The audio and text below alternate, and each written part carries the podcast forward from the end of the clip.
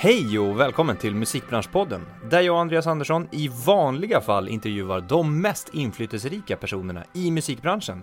Men idag har det blivit dags för ett av våra populära Best of Tips avsnitt. Vi vill ju passa på att samla de allra bästa tipsen från de senaste avsnitten och prata lite mer kring hur man konkret kan tänka och använda sig av de här och vad jag som lyssnare kanske kan ta med mig från det här. Vi kommer även undersöka mer kring hur passion för någonting har förvandlats till arbete och konkret jobb eh, för några av våra gäster och antingen spikrakt eller kanske genom någon helt annan bana. Och i avsnittet kommer vi få höra Nico Sader, Robert Selberg, Jessica Brandt, Ankit Desai och Jenny Hermansson. Vi kör igång! Vi inleder med Nico från The Orchard som också föreläser jätteflitigt inom bland annat digital marknadsföring. Hon pratar om hur det gick till att hitta hennes drivkraft i att lära ut saker, men även vikten av att pusha sig själv till att göra saker man inte är bekväm med. Vi lyssnar. Alltså det är så roligt för att när jag började så kände jag mig, jag är ju musiker i gammal grundbotten, så att jag älskar ju att sjunga och stå på scen. Eh, så jag kände att det kändes jättekonstigt att stå och prata när man mm. var van att sjunga. Så att nu har det liksom flippat lite eh, åt andra hållet. Eh, men stå på scen är, har alltid varit eh, roligt. Men jag tror att det kommer mer från, min, min drivkraft kommer mer från att jag lär ut till folk. Alltså att se folk växa och lära sig nya grejer. Snarare än att man, fan, jag kan ju stå på scen och liksom prata hur mycket jag vill. Men mm. om ingen lär sig någonting så ger det ju inte någonting. Nej. Så det, jag tror att min drivkraft kommer mer från det. Nico är ju ett jättebra exempel på hur ursprungspassionen kanske inte blev exakt det man sedan fortsatte med, alltså det, det man började jobba med, men att det ändå har hjälpt henne att hitta helt rätt. Att hon till exempel nu har sjungit på scenen och sedan genom att testa sig fram, testa föreläsa, insett att drivkraften ligger faktiskt i att lära ut saker och lära andra och se andra att växa att se värdet i det man även pratar om och att inte bara prata för pratandets skull, utan att man till exempel genom en föreläsning, att den ska ha mening och att det ska vara värde för mottagaren och för lyssnaren i det här fallet. Och det är precis på samma sätt när man tänker sig artister eller bolag eller affärsidéer, tänker jag. Och att bredda sitt synsätt och testa på de här olika delarna tror jag är otroligt viktigt. Att testa på och hitta sin passion först och främst, för att man kanske inte är helt säker på den. Och att man sen då kan forma utifrån sin passion. Eh, du har ju till exempel svårt att sätta ett mål om du inte riktigt vet vad du ska börja med, alltså det vill säga vad du gillar att göra, vad du är passionerad över. Så du behöver ju testa dig fram från början för att just hitta det här när man sen vet också det här, vad man är passionerad över, vad man verkligen brinner för och kanske har börjat jobba med det, att då fråga sig själv, varför gör jag det jag gör? Att påminna sig om det, att även inse att varje sekund av det här kanske inte är så himla lätt. Och det kan fortfarande finnas delar som man behöver pusha sig själv till att göra, att genomföra saker som man inte riktigt är bekväm med. Och det här är ju för att fortsätta växa och fortsätta ta tillvara på sin passion. Funderar du någon gång på eh, varför du gör det du gör nu också? Ja, alltså Ja, alltså det finns ju alltid med egentligen varför man, men det kommer nog från att, alltså en del just nu så är det, en del är liksom att man, um, att det är väldigt roligt att komma i kontakt med nya människor. Um, men en del är också för mig att jag tvingas jag tvingar mig själv att göra saker som jag inte känner mig bekväm med. Det är så roligt för att folk tror alltid att bara för att jag har gjort massa föreläsningar att jag känner mig jättebekväm. Och jag är jättenervös inför varenda grej jag gör. Och det är helt sjukt, alltså jag blir typ, det är som att jag blir typ mer nervös ju mer jag gör det. Eh, och så att jag ser det också lite så här, jag får en liten kick av att jag eh, känner mig rädd för att göra vissa grejer och då vet jag att okej, okay, då måste jag fortsätta göra det. Mm. Eh, så att jag gör det också, det är väl kanske liksom en för mig själv liksom så också, att jag tvingas eh, hålla mig eh, uppdaterad också eh, med allt som pågår för att det är väldigt lätt när man jobbar i branschen att man, eh, alltså vi är ju så inne i liksom varje dag och vad behövs göras och sådär.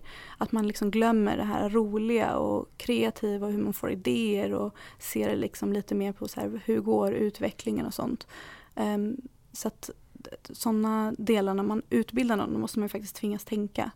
Precis, både att pusha sig, att tvinga sig själv att tänka för att kunna fortsätta med det man tycker är kul, att hålla sig uppdaterad när det gäller till exempel ämnen eller branschen.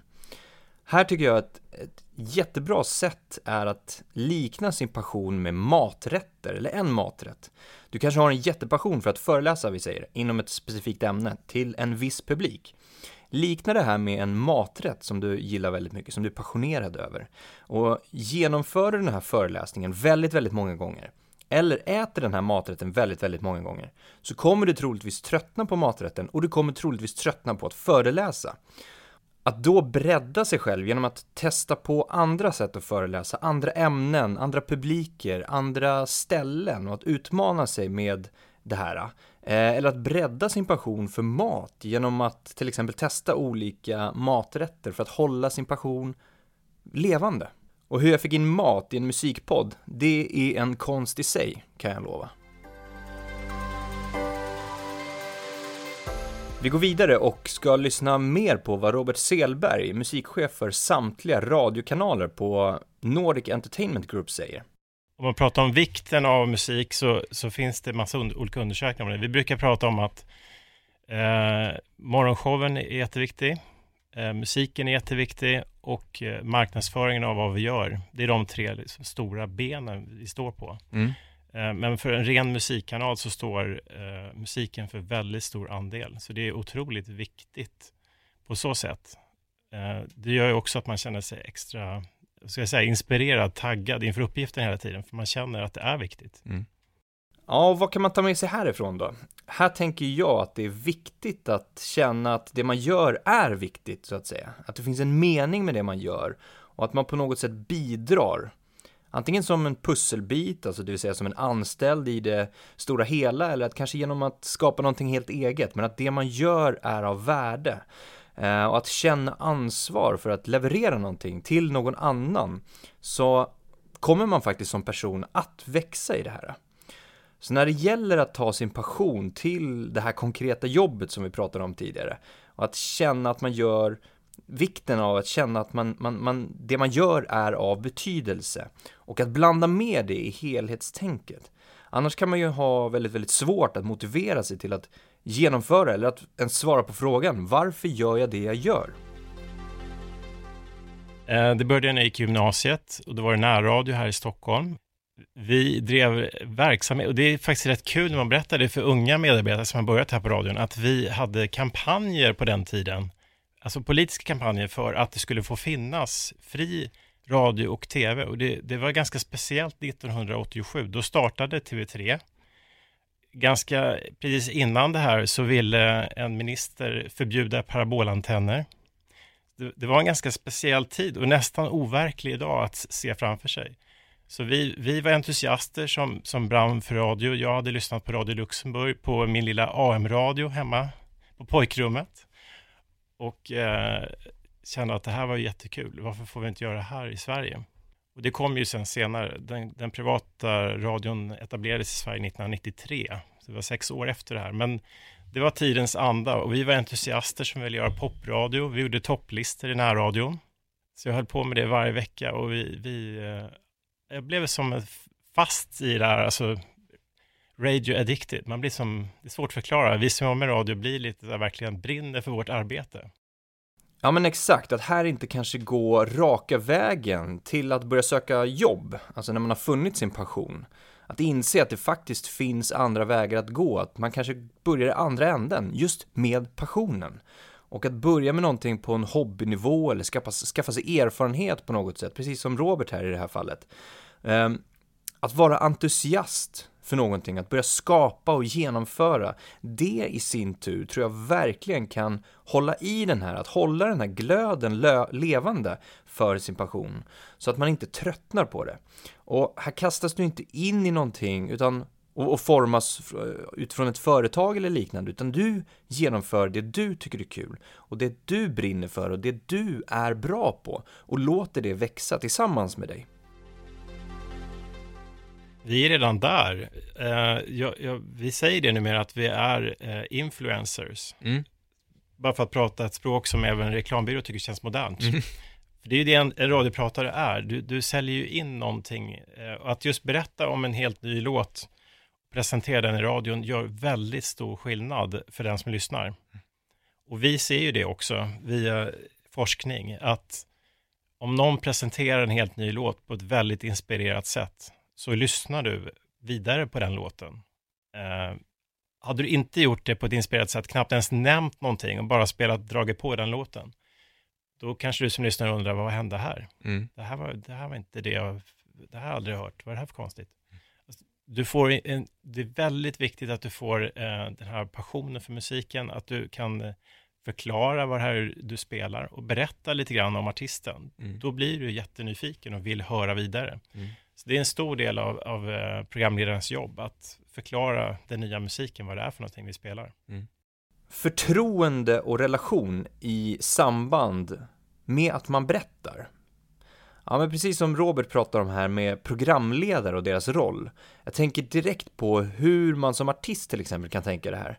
Eh, att man redan innan det handlar om hur programledaren ska välja låt till radiolyssnarna till exempel, att man själv som artist skapar det här förtroendet och relationen som man pratar om till programledarna. Alltså artist till programledare eller artist till radiostationerna. Det förtroendet och den relationen. Och att veta att du som artist vill, vad du som artist vill berätta, vad du vill förmedla genom musiken, att ha hela det paketet klart redan från början. Det i sin tur gör det otroligt mycket mer troligt att du kommer kunna sälja in, så att säga, din musik till radio eller programledare till exempel då, som kommer plocka upp din musik och spela den. Och om de kan känna att de kan relatera till musiken så kommer de också känna att de är passionerade över att förmedla den vidare till sin publik, alltså det vill säga lyssnarna. Och även storyn som du har byggt upp runt omkring. Och kan man ta det ytterligare ett steg så handlar det ju faktiskt precis på samma sätt i sociala medier. Att skapa ett förtroende, att skapa en relation med sina fans om man är till exempel artist. Och att berätta och influera andra personer varför man ska lyssna på ens låtar och att man ska lyssna. Så ditt jobb som artist i det här fallet då är ju att vara programledare i dina egna sociala medier. Nästa gäst vi ska lyssna på är Jessica Brandt som är A&R Director på Universal Music Publishing.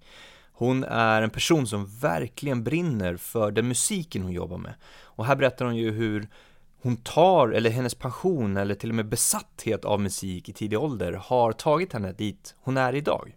Ja, men jag kände nog att så besatt jag och intresserad som jag var och så många timmar jag kände att jag kunde lägga på det och hur mycket jag ville veta. Så det var inte, men det här var inte, det fanns inte internet. Det var ju liksom försöka byta musiktidningar med andra i andra länder, försöka importera skivor som inte fanns att få tag på på Åhléns. Alltså det blev ju, det var ju jobbigt. Man fick ju hassla på ett helt annat sätt för att få reda på, eller få tag i musik och få reda på nya artister. Och det la jag otroligt mycket tid på, otroligt mycket energi på. Och se min mamma och min pappa lägga lika mycket tid på sitt intresse som var, som var hästar. Och, eh, och ridskola, då kände jag att det, det liksom måste nog vara så. Man måste nog vara så här intresserad av sitt jobb för att bli bra på det. Och för att det ska få kännas som en del av ens liv och inte bara någonting man pliktskyldigt måste gå och göra ett par timmar om dagen för att sen se fram emot fem veckors semester. För det har jag aldrig haft som ett alternativ. Exakt, att lägga tid på det man är passionerad över. Och jag har sagt det förut och jag säger det igen, men det tål att sägas massa gånger. Du behöver lägga ner tid. Du behöver faktiskt lägga, och det är jätteviktigt, för att du ska bli riktigt, riktigt bra. 10 000 timmars regeln är det många som har hört och den gäller fortfarande. Det finns liksom ingen magisk formel som ska ta en genväg till dit du vill komma för att bli bäst på någonting eller bli riktigt, riktigt bra. Och värt att nämna, tycker jag här, är att alla timmar kanske inte syns utåt sett om man tittar på någon annan. Helt plötsligt så kan det ju komma upp en producent från ingenstans som, som får en hit, vinner priser eller eh, får massa streams och blir jättepopulär. Och den här producenten kommer från ingenstans ser det ut som. Och den här hitten var liksom den första låten som skrevs. Men i det här fallet så kan det ju vara så att man inte ser, alltså majoriteten av alla fans, lyssnare, personer runt omkring ser inte allt slit som kan ligga bakom alla tusentals timmar av dels musiklyssnande för att bli bra på det, alla tusentals timmar i hemmastudion som tonåring för att börja få koll på det, alla tusentals timmar på fritidsgården eller spenderat på helger och kvällar efter eh, skola och jobb. Endast fokus på musiken man ser inte det. Och att skriva och producera låtar. Så att, att bli bra på någonting, det tar tid. Så låt det ta tid, låt det, lägg ner den tiden. Så kommer du tacka dig själv, jag lovar dig. När det kommer sådana erbjudanden eller möjligheter så handlar det ju om att, att rannsaka sig själv och vad det är man vill göra. Mm. Och på vilket sätt och vad som är värt vad. Mm. Eh, och jag känner att, ja, men precis som om vi kommer in på det senare med liksom den kreativa biten. Eh, på samma sätt som två låtskrivare kan hitta varandra eh, och börja liksom skapa en långsiktigt samarbete för att man kan ge varandra styrka i sina olikheter och man känner att man har någon att springa tillsammans med och bygga någonting ihop med. Eh, så känner jag ju på Universal. Mm. Det är värt jättemycket för mig. Mm jag får jobba på det sättet som jag vill i, med människor som jag vill. Och det, det har hela tiden varit eh, det, varit det viktigaste. Mm. Om det tar stopp och jag inte får, igen, får igenom det som jag känner att jag behöver för att växa eller göra mitt jobb på absolut bästa sätt. Då, det, då får man ju liksom ta, då får man ta den situationen då. Mm. Men hittills så, så har jag ju verkligen eh, haft den lyxen. Människor runt omkring mig eh, ser mig, lyfter mig, ger mig förtroende att göra saker på, på mitt sätt. Här tycker jag Jessica lyfter en mycket viktig del. Att ha någon att springa med, säger hon. Och att ha någon som är en, en stöttepelare, en som pushar henne, en som motiverar henne. Och det här kan ju handla om allt från stöd på arbetsplatsen, precis som hon säger, hos kollegor, hos chefen, men det kan också handla om att man gör det tillsammans med en kollega eller en partner eller liknande. Och det kopplar även tillbaka till att man förhoppningsvis inte tröttnar på det man gör. Man springer inte slut på sig själv. Och att man inte tröttnar på sin passion och att det finns en stöttepelare där när det kan, eller när det kommer bli tufft ska jag säga. Mitt mål med att jobba med musik är att följa resan med eh, låtskrivaren, artisten, kreatören. Att se och identifiera en talang, att hitta en slags gemensam vision och följa den utvecklingen, möjliggöra den utvecklingen och eh, sakta men säkert nå både delmål och slutmål har man ju sällan riktigt. Eh, sky's the limit så att säga. Men, men det är ju alltid grejen. Det är, det är därför tio år har gått så himla fort för att det är olika med alla personer hur den resan ser ut. Och det är det jag brinner för. Mm. Det är därför jag jobbar med musik. Precis, att följa resan här, att få vara del av resan, att se någonting förverkligas är ju så pass häftigt. Och i arbetet, att dels hitta sin passion det här, men att sen börja jobba med det, handlar ju faktiskt till stor del om att definiera varför man också brinner för det man gör. Har du inget svar på det här, så antingen så är det inte din passion. Eller så har du inte riktigt utforskat den på riktigt. Du kanske inte har testat på det tillräckligt för att veta om det är din passion. Det kan ju faktiskt vara så, och jag träffar på många människor som tror att det är ens passion. Man vill liksom inbilla sig att det här ska vara min passion.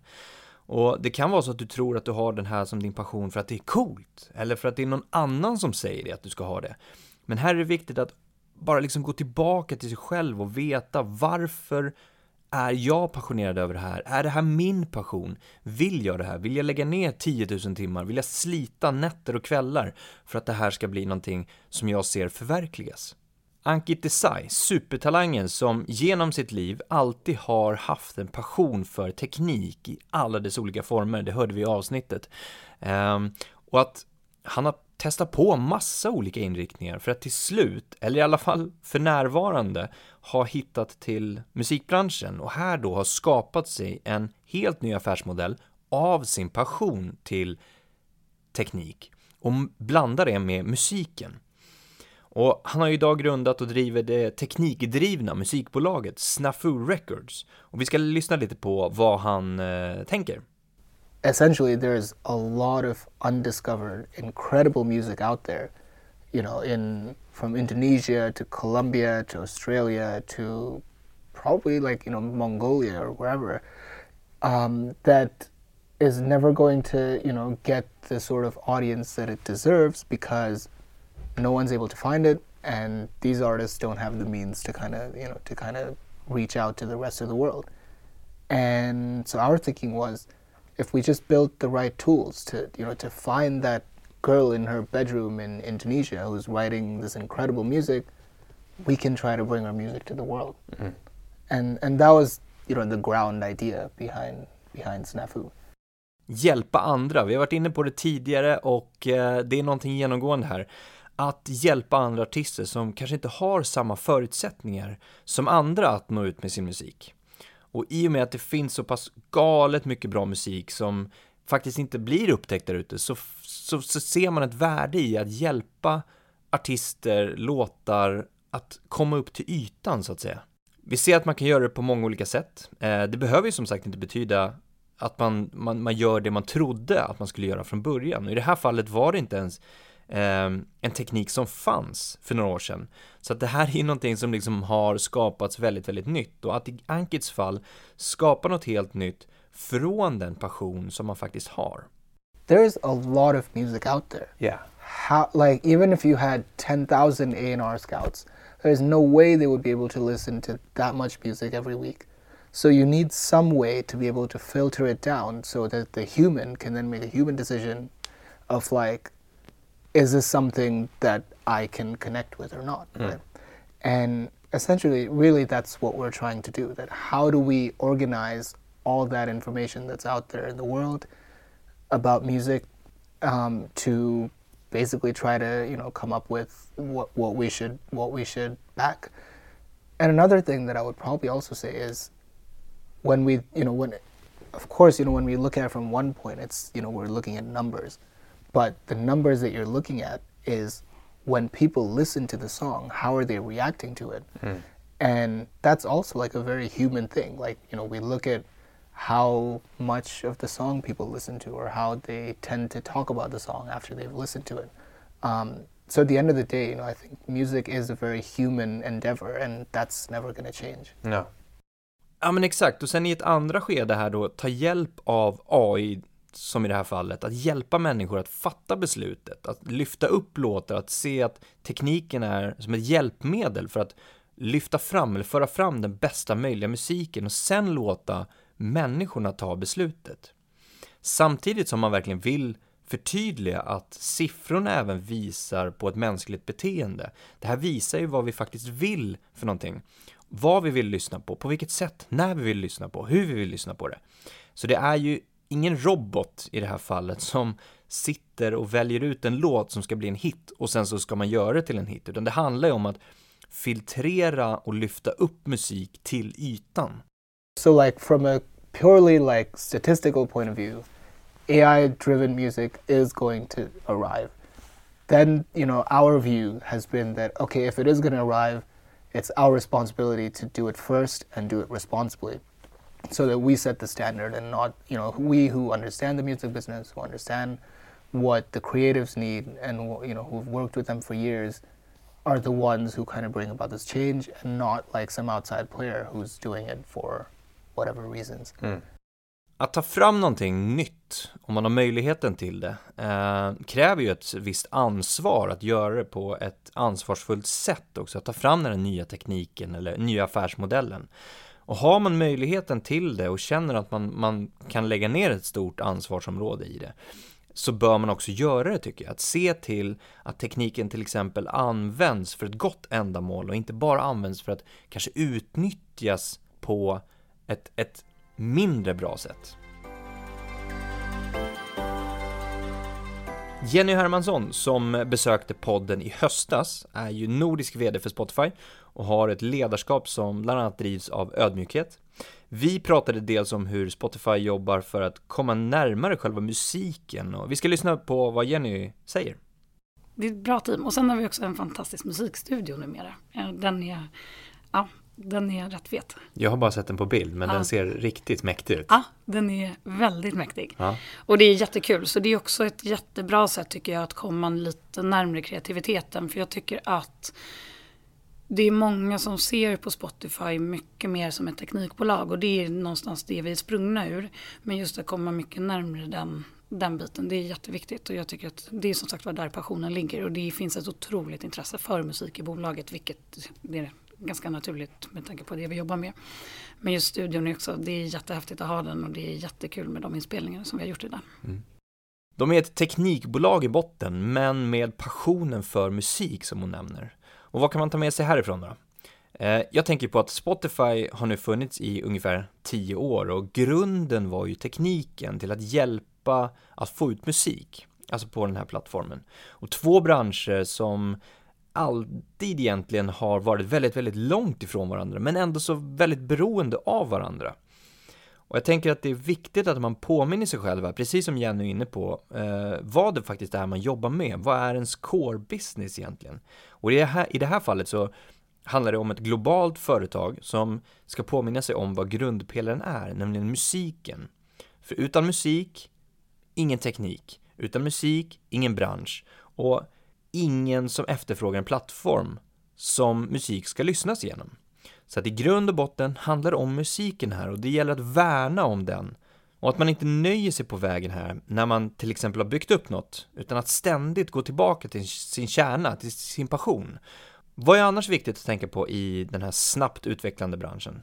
Jag tror väldigt mycket på trygghet och bygga trygghet i teamet. För det är just den att när det går väldigt snabbt så är det också väldigt lätt att det blir lite oroligt.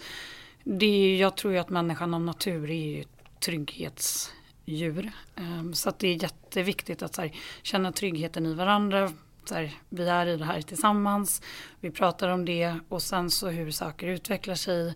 Ja men det kan gå åt olika håll men har man den trygga basen så så kommer man väldigt långt på det. Och det tycker jag är, ibland får man stanna upp och tänka till på det också. För det är lätt ibland att det går för snabbt också. Och sen tror jag också att vi lever så långt fram hela tiden. Så även den att stanna upp och så här, men har vi fått med oss, har vi fått med oss konsumenten, har vi fått med oss kreatörer?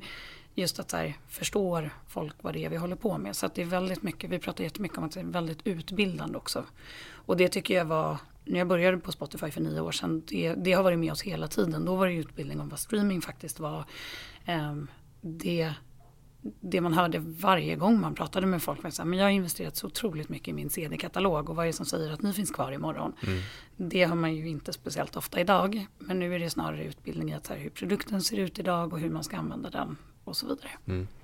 trygghet, precis som Jessica var inne på. Att känna eh, att det är ett team som är tillsammans och bygger det här. Att man är en trygg, i en trygg miljö när det går väldigt, väldigt snabbt. Och att stanna upp och utbilda sig själv, utbilda dem runt omkring en och förklara affärsmodellen när man också bygger någonting. Här tror jag det är otroligt viktigt att verkligen hela tiden, oavsett om det är en artist, om det är ett bolag eller jobba med en helt ny affärsmodell till exempel. Att försöka se sig själv och sin musik Eh, eller sitt bolag från ett utomstående perspektiv. Och det är inte så lätt som det låter, men att ändå ta liksom ett steg tillbaka och inte ta för givet. För det är väldigt, väldigt lätt att ta för givet att bara för att du förstår det du förmedlar eller det du har byggt så ska alla andra förstå det om man bara berättar det en gång.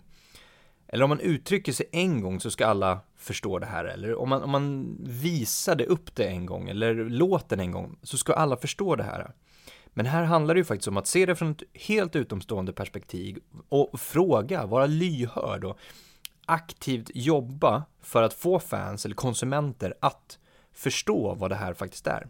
Ett av de vanligaste misstagen i nystartade och innovativa företag tror jag är att man skapar en produkt eller en tjänst som är, om man är så pass insatt i den, att man förstår varenda liten hörna av den.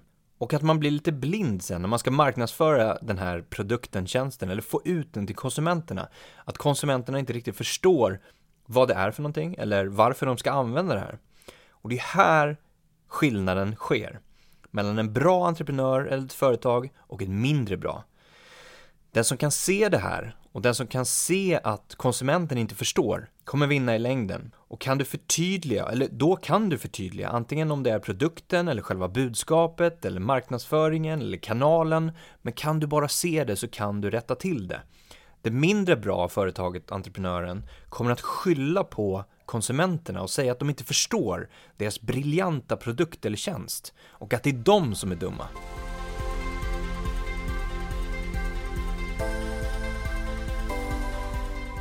Sammanfattningsvis tycker jag man kan genomgående se att passionen faktiskt lyser igenom hos alla de här personerna. Ehm, alla kommer från en passion inom ett visst område och har skapat sig en karriär på olika sätt. De har alla hittat genom att testa sig fram och de har alla hittat genom att lägga ner tid. De har alla hittat genom att genuint hjälpa andra människor, vare sig det är att få ut sin musik eller skapa en helt ny affärsmodell. Hur stor och spretig än musikbranschen kan kännas så kan vi ändå sammanfatta det med att många aktörer, de flesta faktiskt, sätter musiken i första hand. Det gäller allt från radio till låtskrivare, till bokartister, till algoritmer som hjälper spellistor att skapas. Men man sätter musiken i första hand och det är någonting som alla har gemensamt som jag tycker vi ska värna om. Och man kan ofta, tycker jag, uppleva att bolag idag kanske inte sätter musiken i första hand. Men jag skulle säga att det till stor del ser lite mer tvärtom ut och att värdet i musik faktiskt sätts högst när man gräver lite, lite djupare. Vilket är en bra utveckling skulle jag säga. Att ge musikskapare, kreatörer, artister inflytande kring beslut och karriär med mera. Och mycket av det här tror jag beror på teknikutvecklingen och vi människor är ju som sagt vanedjur. Vi har svårt att se den här förändringen som sker med teknik hela tiden och ofta när vi ställs inför ett nytt teknikskifte så är vi oroliga kring hur det kommer att användas och vi kan inte riktigt se på andra sidan vad det kommer lösa. Vi har svårt att se den fulla potentialen. Men jag skulle vilja påstå att i princip all teknik tidigare har gett oss fantastiska verktyg, förutsättningar och insikter som vi nu är glada över att vi har. Vilka verktyg tycker du till exempel har varit de viktigaste för kreatörer de senaste tiden? Så kan vi istället omfamna nytt, utveckling, förändring och se nyfiket på det så kanske vi också kan effektivisera processen för hur det kommer att användas. Så det är våran inställning till det hela.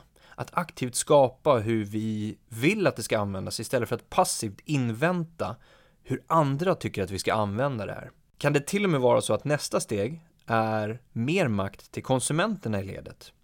Hur skulle det se ut i så fall? Skulle det vara så att eh, kan konsumenter, publik få mer inflytande i både hur musik skapas eller framförs? Det kanske blir en mer eh, musikskapande co-creation nivå av det hela, där man blandar med fler aktörer, alltså det vill säga konsumenten i det hela. Och det är det här jag menar, att vara aktiv istället för passiv i utvecklingen. Hur tror ni att det kommer se ut? Musikbranschpodden produceras ju av oss på DMG Education och vi har fokus på ut, att utveckla men även att vårda det befintliga. Och vad vi menar med det här då? Jo men vi ser att utveckling och nytänk ständigt krävs i musikbranschen och att det här är någonting som bör välkomnas istället för att det ska ses som någonting läskigt och oprövat. Att se att den här tekniken eller nytänken nu kan istället bidra med värde oavsett om du själv är kreatör, artist, driver bolag eller jobbar på ett bolag till exempel. Men det betyder även att vi vill vara med och värna om det som faktiskt fungerar, att inte bara jaga en ny modell eller idé för jagandets skull, att vara tålmodig eh, med det som prövas och att det tar tid. Att lägga ner energi på det, att inte ge upp och hoppa på nästa idé bara för att det är en idé, utan att värna om det som faktiskt fungerar. Vi tror att det finns en dynamisk och flexibel framtida bransch där musiken står i fokus, där utveckling är spännande och inte läskigt. Där en karriär i musikbranschen, oavsett som kreatör, artist eller bolag, är någonting som uppfattas som seriöst. Och även av konsumenterna. Det här i sin tur tror vi kan vara med och bidra till rätt förutsättningar för branschen som helhet. Det skapar till exempel nyfikenhet hos personer som ska ta sig in i branschen. Det skapar tydlighet och seriositet hos de som redan befinner sig i branschen, där rätt fokus prioriteras och belönas. Det skapar tydlighet i värdet som förmedlas från kreatörer och artister genom musik på alla möjliga olika sätt, vilket också skapar ekonomiskt värde i det som skapas, framförs och förmedlas gällande musikbranschen och gällande musiken i grund och botten. Vad tror du som lyssnar kommer hända i framtiden? Vad tror du om musikbranschens framtid? Du får jättegärna kommentera, DMa, mejla oss på DMG Education, alla olika kanaler. Är du mer intresserad över vad vi på DMG tänker och vilka idéer vi har så kan du gå in på dmgeducation.se. Eh, hör av dig till oss eller bara kika vidare. Där har vi bland annat öppnat ansökan till vårt tvååriga program Music Business Developer eh, som startar nu till hösten. Kom ihåg att prenumerera på podden, dela, tipsa andra om det här så att vi kan sprida kunskapen. Stort, stort tack för att du har lyssnat idag så ses vi igen nästa vecka. Ha det fint, hej!